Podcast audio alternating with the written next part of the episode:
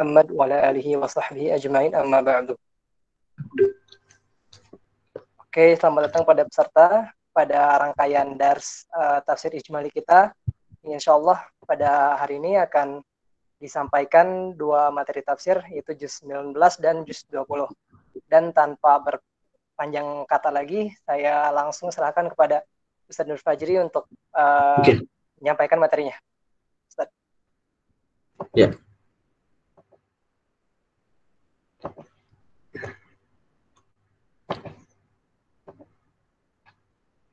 Hmm, oke. Okay. Kelihatan ya? Sudah, Ustaz. Kelihatan. Assalamualaikum warahmatullahi wabarakatuh. Alhamdulillahirrahmanirrahim. Assalatu wassalamu ala nabi Muhammadin. Malam ini kita juz 19 dan juz 20, teman sekalian. Nah, silahkan dilihat di layar. Kata Asif, sekretaris Nabi Sulaiman, aku sanggup lebih cepat dari itu memindahkan singgasana Ratu Balkis sebelum matamu berkedip. Qabla ilaika. Maka benar saja, singgasana itu dalam sekejap mata langsung berada di hadapan sang Nabi dan para pemuka kerajaan di istana beliau. Jauh lebih cepat daripada tempo yang dijanjikan Jin Ifrit. Karena Jin Ifrit berjanji ini di tengah-tengah surat jadi ya tengah-tengah surat An-Naml Ifrit Ifrit berjanji apa? Qala Ifrit min jinni ana atika bihi qabla an taquma min maqamik. Aku akan datangkan singgasana Ratu Balkis sebelum engkau berdiri dari tempat duduk. Tapi kalau Asif enggak lebih cepat dari itu. Qabla an yartadda ilaika tarfuk. Sebelum engkau berkedip sebuah karomah dan keajaiban yang membuat Nabi Sulaiman berdecak kagum. Sontak lisan beliau bergumam penuh syukur dan tawadhu. Hadza min fadli rabbi. Ini termasuk karunia Tuhanku. Lia beluani untuk mengujiku. Aashkuru am akfur. Apakah aku bersyukur atau mengingkari? Wa ma syakara fa inna ma yashkuru nafsi. Barang siapa bersyukur, sungguh ia sebetulnya berterima kasih pada diri sendiri. Wa man kafara fa inna rabbi karim. Dan barang siapa yang ingkar, tidak bersyukur maka sungguh Tuhanku maha kaya dan maha mulia. Beberapa waktu kemudian, tibalah Ratu Balkis dan rombongan kerajaan Sabak dari Son'a, ibu kota Yaman hari ini, menuju Al-Quds, Yerusalem, atas undangan Nabi Sulaiman. Sebelumnya, Nabi Sulaiman yang mendapat info dari burung hudhud akan keberadaan negara pimpinan seorang ratu yang menyembah matahari di selatan semenanjung Arabia. Di kerajaan Sabak waktu itu memang ada di Yaman selatan semenanjung Arabia Tanjung Arab. Orang Arab menyebutnya Shibhu Al-Jaziratil Arabiyah. Semenanjung Arabia. Kemudian berjalan ke utara mereka untuk menuju ke Al-Quds ibu kota Palestina hari ini sekaligus ibu kota kerajaan Bani Israel waktu itu. Tadinya Nabi Sulaiman mengirimi mereka surat di mana surat tersebut berbunyi Bismillahirrahmanirrahim. Allah ta'lu alayya wa'tuni muslimin. Jangan kalian sombong dan datanglah kepadaku dalam kondisi berserah diri. Di awal dengan basmalah kemudian uh, perkataan tadi Beliau lantas mengirim suratnya kepada sang ratu mengajak untuk menghadap beriman. Waktu ini muslimin. Ratu Balkis setelah berunding dengan pembesar-pembesar kerajaan, awalnya mengirimkan hadiah-hadiah yang mahal. Fa inni mursilatun ilaihim bi hadiyatin fanadhiratum bima yarji'ul mursalun.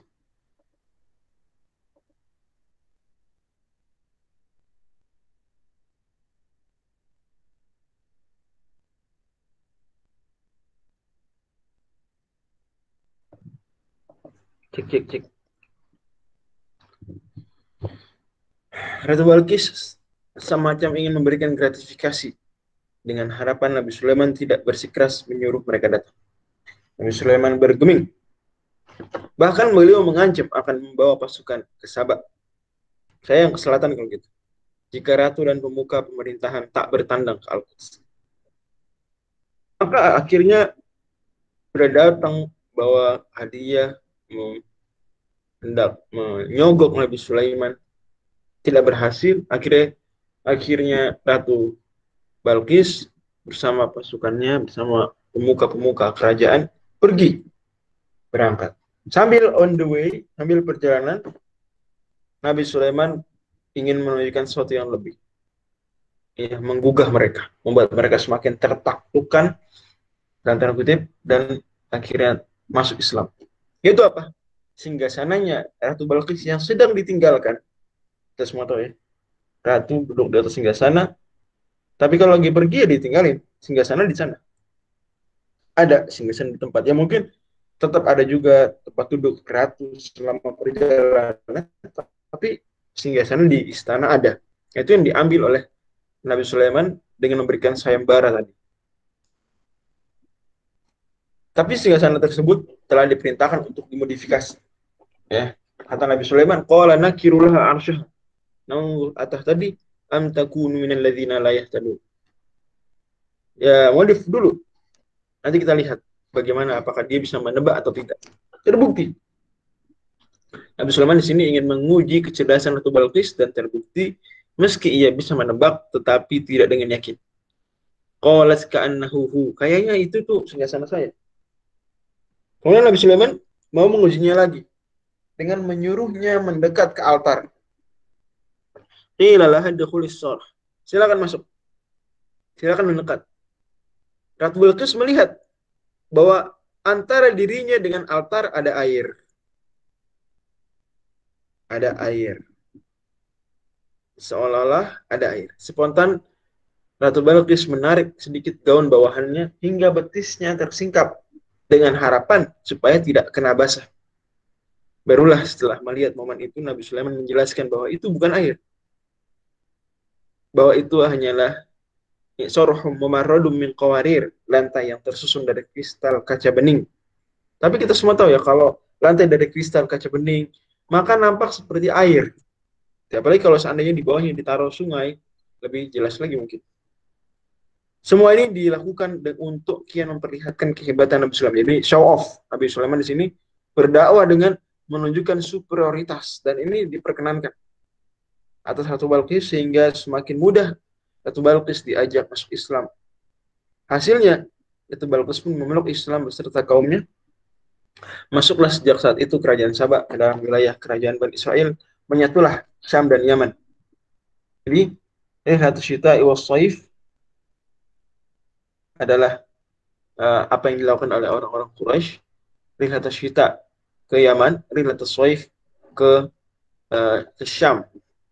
Dahulu di zaman Nabi Sulaiman uh, apa namanya Al-Quds dan Son'a Palestina dan Yaman adalah satu kesatuan menyambung. Nah dakwah dengan diskusi cerdas dan unjuk kehebatan semacam itu pernah pula dilakukan oleh salah seorang Nabi Sulaiman. Jadi teman-teman sekalian juz 19 ini sebagian di surat Al-Furqan sebagian di surat Asy-Syu'ara dan sebagian di surat uh, An-Naml. Full surat Asy-Syu'ara masuk dalam juz 19. Di tengah-tengah dia. Kemudian seperempat pertama Al-Furqan, seperempat kedua, eh, seperempat keempat adalah An-Naml. Jadi menarik. Seperempat, seperempat, seperempat, setengah, seperempat. Ini seperempat pertama Al-Furqan, kemudian setengah juz ada di surat Asy-Syu'ara dan seperempat ke terakhir keempat adalah surat An-Naml. Yang menghubungkan antara uh, surat-surat ini adalah bahwa surat Al-Furqan bicara tentang uh, Al-Furqan itu sendiri, itu pembedaan antara hak dan batil. Menjelaskan jalan orang-orang yang ibadur rahman dan jalannya orang-orang yang mereka mengikuti kebatilan. Alladzina la yarjuna liqa'ana. Tidak mengharapkan akhirat alladzina kafaru orang-orang yang kafir. Allah bandingkan. Kemudian di surat Asy-Syu'ara Allah Subhanahu wa taala sebutkan bagaimana para nabi kemudian mewujudkan furqan itu di tengah konsep dakwah. Bagaimana para nabi kemudian menyampaikan ajaran mereka agar jelaslah mana hak, mana batil. Jadi praktek nyata. Kalau di Al-Furqan itu potret ahlul hak dan ahlul batil. Itu di surat Al-Furqan. Di surat Asy-Syu'ara bagaimana cara ahlul hak menegakkan hak. Maka Allah Subhanahu wa bawakan kisah para nabi di surat Asy-Syu'ara satu persatu. Dan Allah Subhanahu wa taala seperti tekankan di surat Asy-Syu'ara tentang bagaimana media dakwah Bagaimana media dakwah? Bagaimana kemudian para nabi berstrategi terhadap kenyataan mad'unya, objek dakwah. Nanti saya singgung lebih dalam. Surat An-Naml sebagian adalah kelanjutan dari atau artinya kita bisa bilang An-Naml ini pada dasarnya kelanjutan surat Asy-Syu'ara bicara tentang bagaimana ahlul haq menegakkan hak di tengah ahlul batil. Hanya saja penekanan lebih kepada strategi yang lain yaitu strategi kalau di surat Asy-Syu'ara beragam strategi pendekatan-pendekatannya. Kalau di surat An-Naml maka pendekatannya ada pendekatan bagaimana menunjukkan keunggulan peradaban. Keunggulan peradaban. Surat An-Naml. Pada akhir surat Asy-Syu'ara dan surat An-Naml memberikan kepada kita pesan-pesan bagaimana seharusnya al-haq itu disampaikan di tengah ahlul batil. Di sini Nabi Sulaiman menyampaikan al-haq kepada ahlul batil menyampaikan Islam kepada kerajaan Sabah yang mereka ahlul batil menyembah matahari. Ya, wajad tuha yasjuduna lisyamsi min dunillah. Eh, apa kata si Hudhud burung Hud min Sabah min meyaki inni wajad tumratan tamlikum wa utis min kulli wala harsun azim. Aku melihat ada ratu ya. Uh, diberikan banyak keistimewaan harta dunia, jabatan dan wa utiyas min kulli syai'in wa laha arsyun 'azim. Dan dia punya singgasana yang besar. Nabi Sulaiman ingin menandingi singgasana tersebut. Karena seolah itu adalah hal yang kalau seandainya dikalahkan maka akan mengundang kekaguman di benak mad'u dan pada akhirnya akan mengikuti dai. Jadi ada saatnya mad'u dibuat takjub kepada dai ada kondisi tertentu dengan harapan lebih menarik hatinya, melembutkan jiwanya. Kata Hudhud, wajatu hawa koma yasjuduna li syamsi min dunillah. Mereka menyembah matahari. Ahlul batil. Nah, di surat Asy-Syu'ara kita bisa lihat dakwah lain dengan diskusi cerdas dan unjuk kehebatan juga sama. Kalau Nabi Sulaiman unjuk kehebatannya tadi, kekayaan. Nabi Musa pun demikian. Pernah pula dilakoni oleh salah satu kakek Nabi Sulaiman. Nabi Sulaiman punya kakek, walaupun tidak selajur Nabi Musa alaihissalam diutus ia berdakwah dalam kondisi yang menurut hitungan kasat mata amatlah jauh dari kata ideal. Bayangkan teman-teman sekalian, kita kalau lemah dalam berdakwah, merasa tidak pantas berada di jalan dakwah, coba ingat-ingat kisah Nabi Musa. Pulang ke Mesir, ingat Nabi Musa ini baru pulang ke Mesir, baru nyampe. Fresh graduate kalau baru ibaratnya kalau Nabi Musa ini baru apa lulus S2, lulus S3, ini fresh graduate atau lulus S1 dari luar negeri, baru pulang setelah 10 tahun. Nah, kalau mahasiswa saja lulusan Al-Azhar, lulusan Madinah, baru pulang ke Indonesia, fresh graduate, itu belum tentu langsung sukses berdakwah, pasti banyak kekurangannya. Kalau baru-baru begitu biasanya. Apalagi yang pulang bukan dalam status baru mendapat beasiswa, baru menyelesaikan kuliah, tapi 10 tahun lari statusnya buronan. Bukan sembarang buronan, bahkan buronan dalam kasus pembunuhan. Bukan pembunuhan sembarang pembunuhan.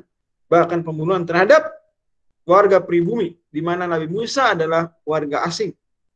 Orang Bani Israel asing. Tinggal di Mesir. Pendatang.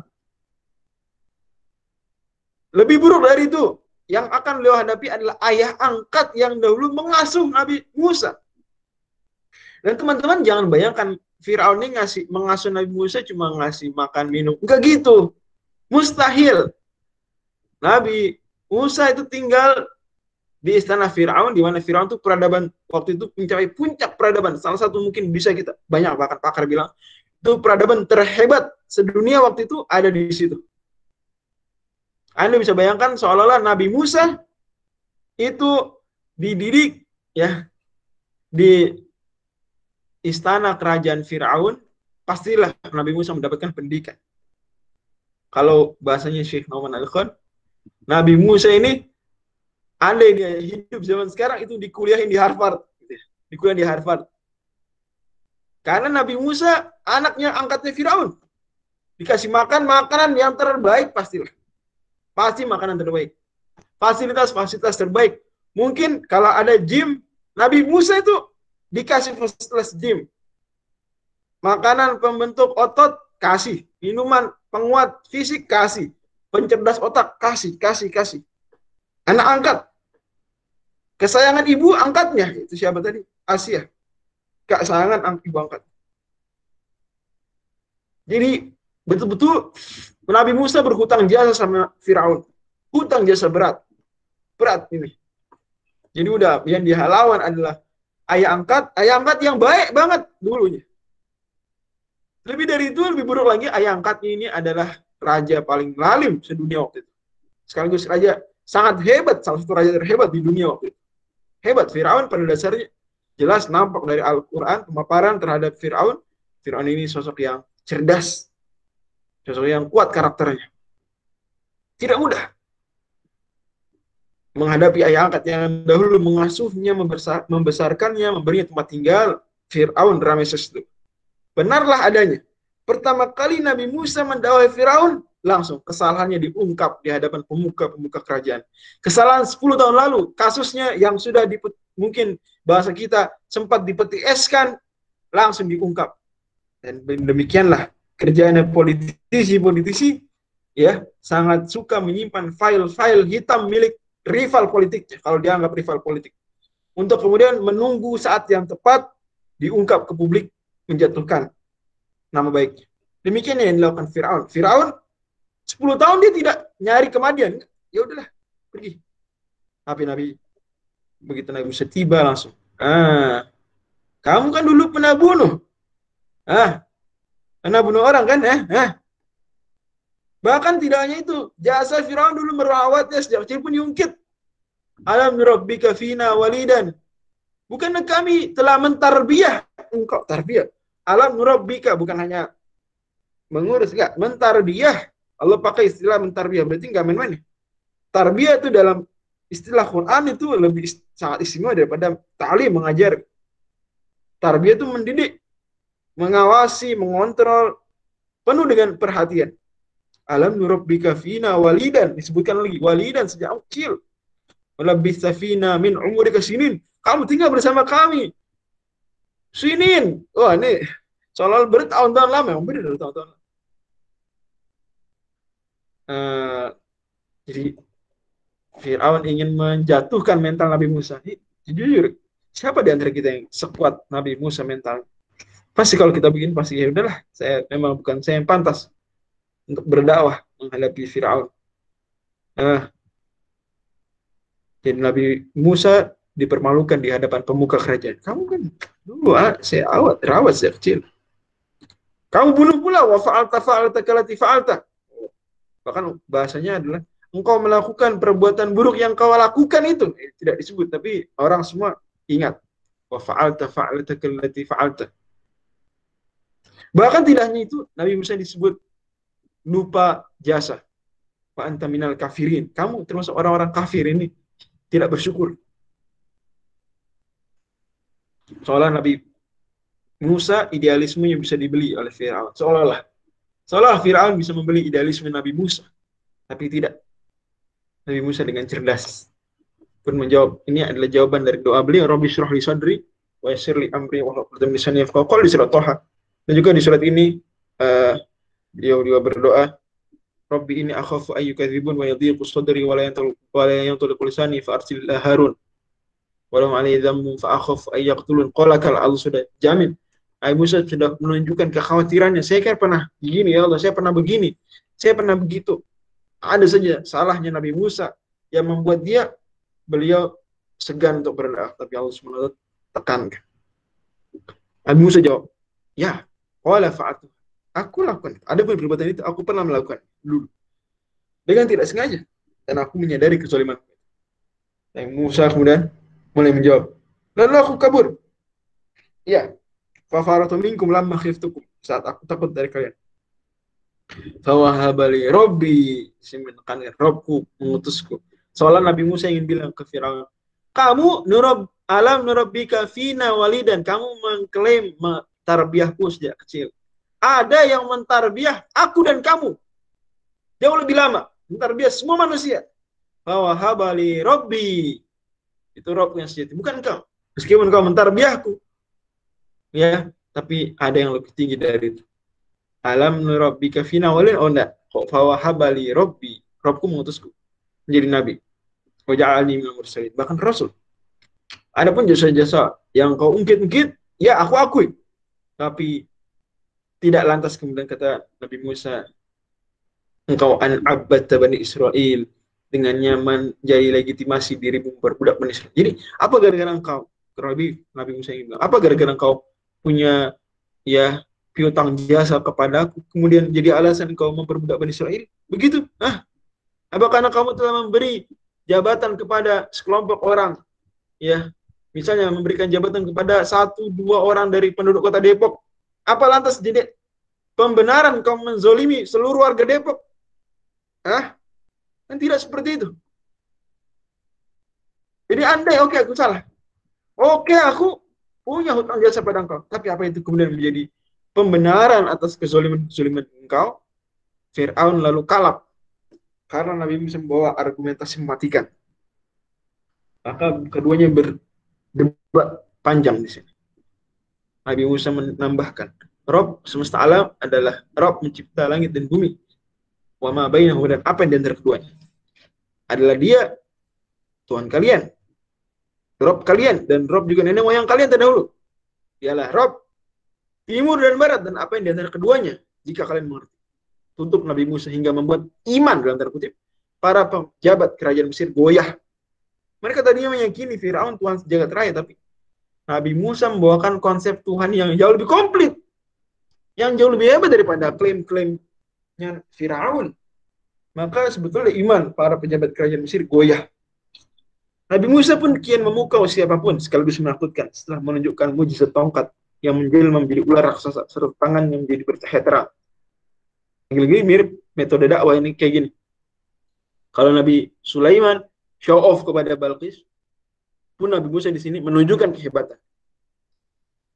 Firaun sampai kemudian susah payah mengumpulkan para penyihir ulung semesir dan menjanjikan bayaran serta jabatan pada mereka. Tapi ketika semua masyarakat berkumpul, koptiknya, Bani Israelnya, pejabatnya, budaknya ternyata Nabi Musa sanggup mengalahkan para penyihir sekaligus mengislamkan mereka. Sejak itu pamor Nabi Musa mengemuka dan kejayaan Rameses II sebagai Firaun tersukses sepanjang sejarah memudar. Terbayanglah kembali oleh Firaun mimpinya beberapa dekade silam tentang seorang pemuda Bani Israel yang menghancurkan kekuasaan. Maka menjelang subuh Bani Israel dikomandoi Nabi Musa dan Nabi Harun berkumpul. Titik temunya ditentukan untuk apa? Melakukan eksodus meninggalkan Mesir. Firaun dan pasukan berkulanya berang.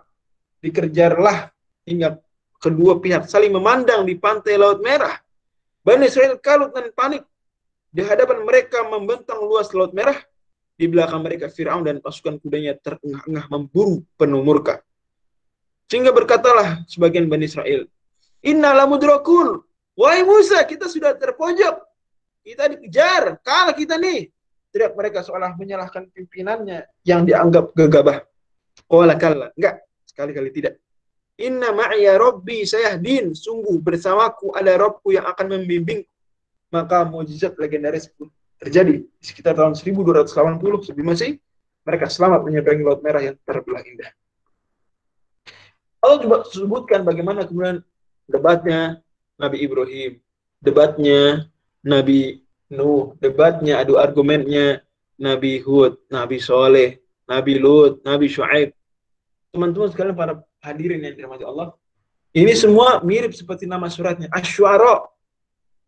Para penyair seolah-olah Allah ingin bilang bahwa setiap pendakwah harus mampu beretorika. Harus mampu kemudian melihat apa sisi kehebatan kaumnya. Kemudian dikalahkan sisi kehebatan tersebut harus pandai beretorika dan melihat apa yang dibanggakan oleh mad'unya masuk menjadikan itu sebagai sarana berdakwah. Nabi Musa melihat atau Allah Subhanahu perlihatkan bahwa bangsa Mesir sangat gandrung pada sihir. Maka Allah berikan mujizat yang mirip sihir, bahkan jauh lebih hebat, mengalahkan sihir. Nabi Ibrahim juga demikian, beradu argumen. Nabi Ibrahim luar biasa argumen panjang. Dan jadi teman-teman bisa melihat ya, surat Ash-Shu'ara, surat yang tema besarnya adalah uh, media dakwah, media dakwah. Maka perhatikan baik-baik di surat Asy-Syu'ara dialog para nabi dengan Rasul dengan umat mereka. Perhatikan. Di situ ada pelajaran-pelajaran berharga. Kata Allah Subhanahu wa taala atau selanjutnya lagi saya bilang, memang perjuangan menegakkan tauhid selalu menemukan tantangan yang berbeda. Tapi sunnah Allah selalu sama, hukuman bagi para penentang Rasul. Di zaman Nabi Nuh pada sekitar tahun 2150 sebelum Masehi seluruh bumi ditenggelamkan hingga tidak selamat kecuali mukminin di atas bahtera saja. Sesanya yang kufur meninggal tenggelam betapapun tinggi tubuh dan berapapun panjang usianya. Samud, kaum Nabi Lut, Ashabul Ras, Ashabul Aikah, semua diadab. Karena mendustakan para Rasul.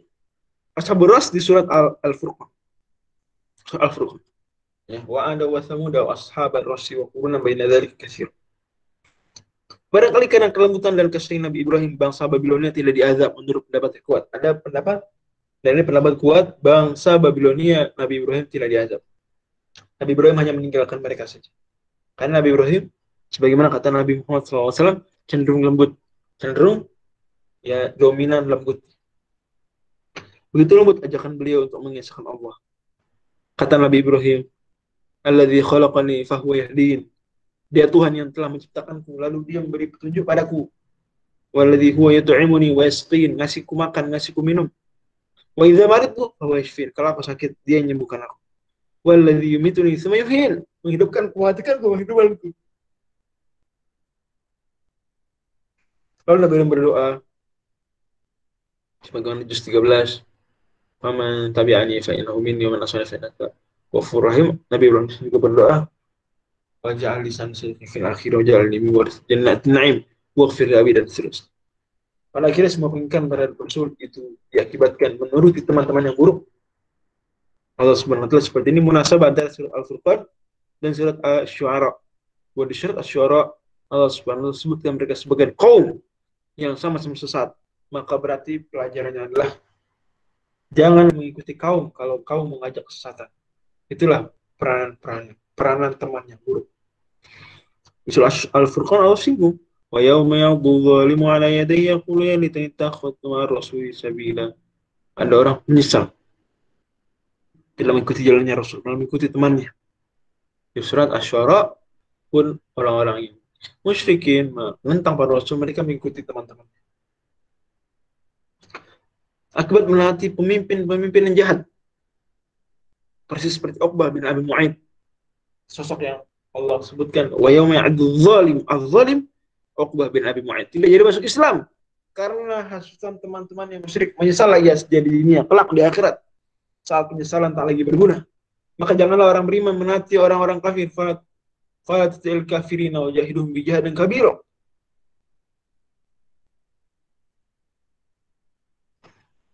Hendaklah kaum mukmin berjihad dengan jihad yang besar dengan diskusi. Nah, ini munasabah lain dari surat Syuara dan Al-Furqan Allah bilang wajahidahum bi jihadan kabiro. Jihadlah dengannya dengan Al-Qur'an jihad yang besar. Jadi jihad dengan retorika, jihad dengan kata-kata, dengan media dakwah.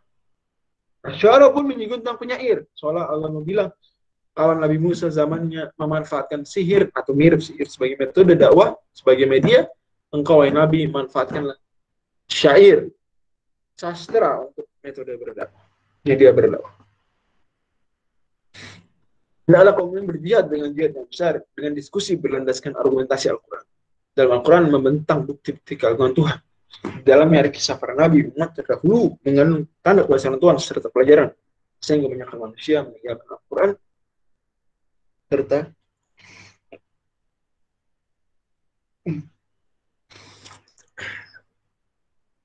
banyak lagi yang tak punya beriman. Semua orang itu maha perkasa lagi maha bersih. Hanya saja kalian wahai kaum sedikit orang-orang yang tidak mengetahui. Walakin aku kaum tajhalun. Allah al-Misab. Uh, ini juz 19. Saya sudah sebutkan tema besar surah Al-Furqan, Asyara, dan juga surat An-Naml. Adapun surat An-Naml maka temanya tadi sudah saya sudah saya sebutkan keunggulan peradaban. Al-Furqan pembeda hak dan batil asyara media berdakwah An-Naml keunggulan peradaban.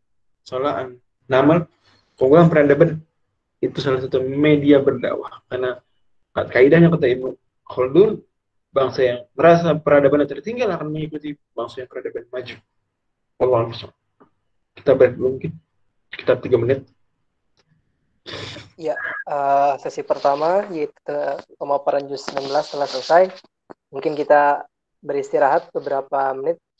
Mari beristirahat uh, menunggu lagi ada peserta yang ingin bertanya boleh di kolom komentar ataupun di uh, on mic.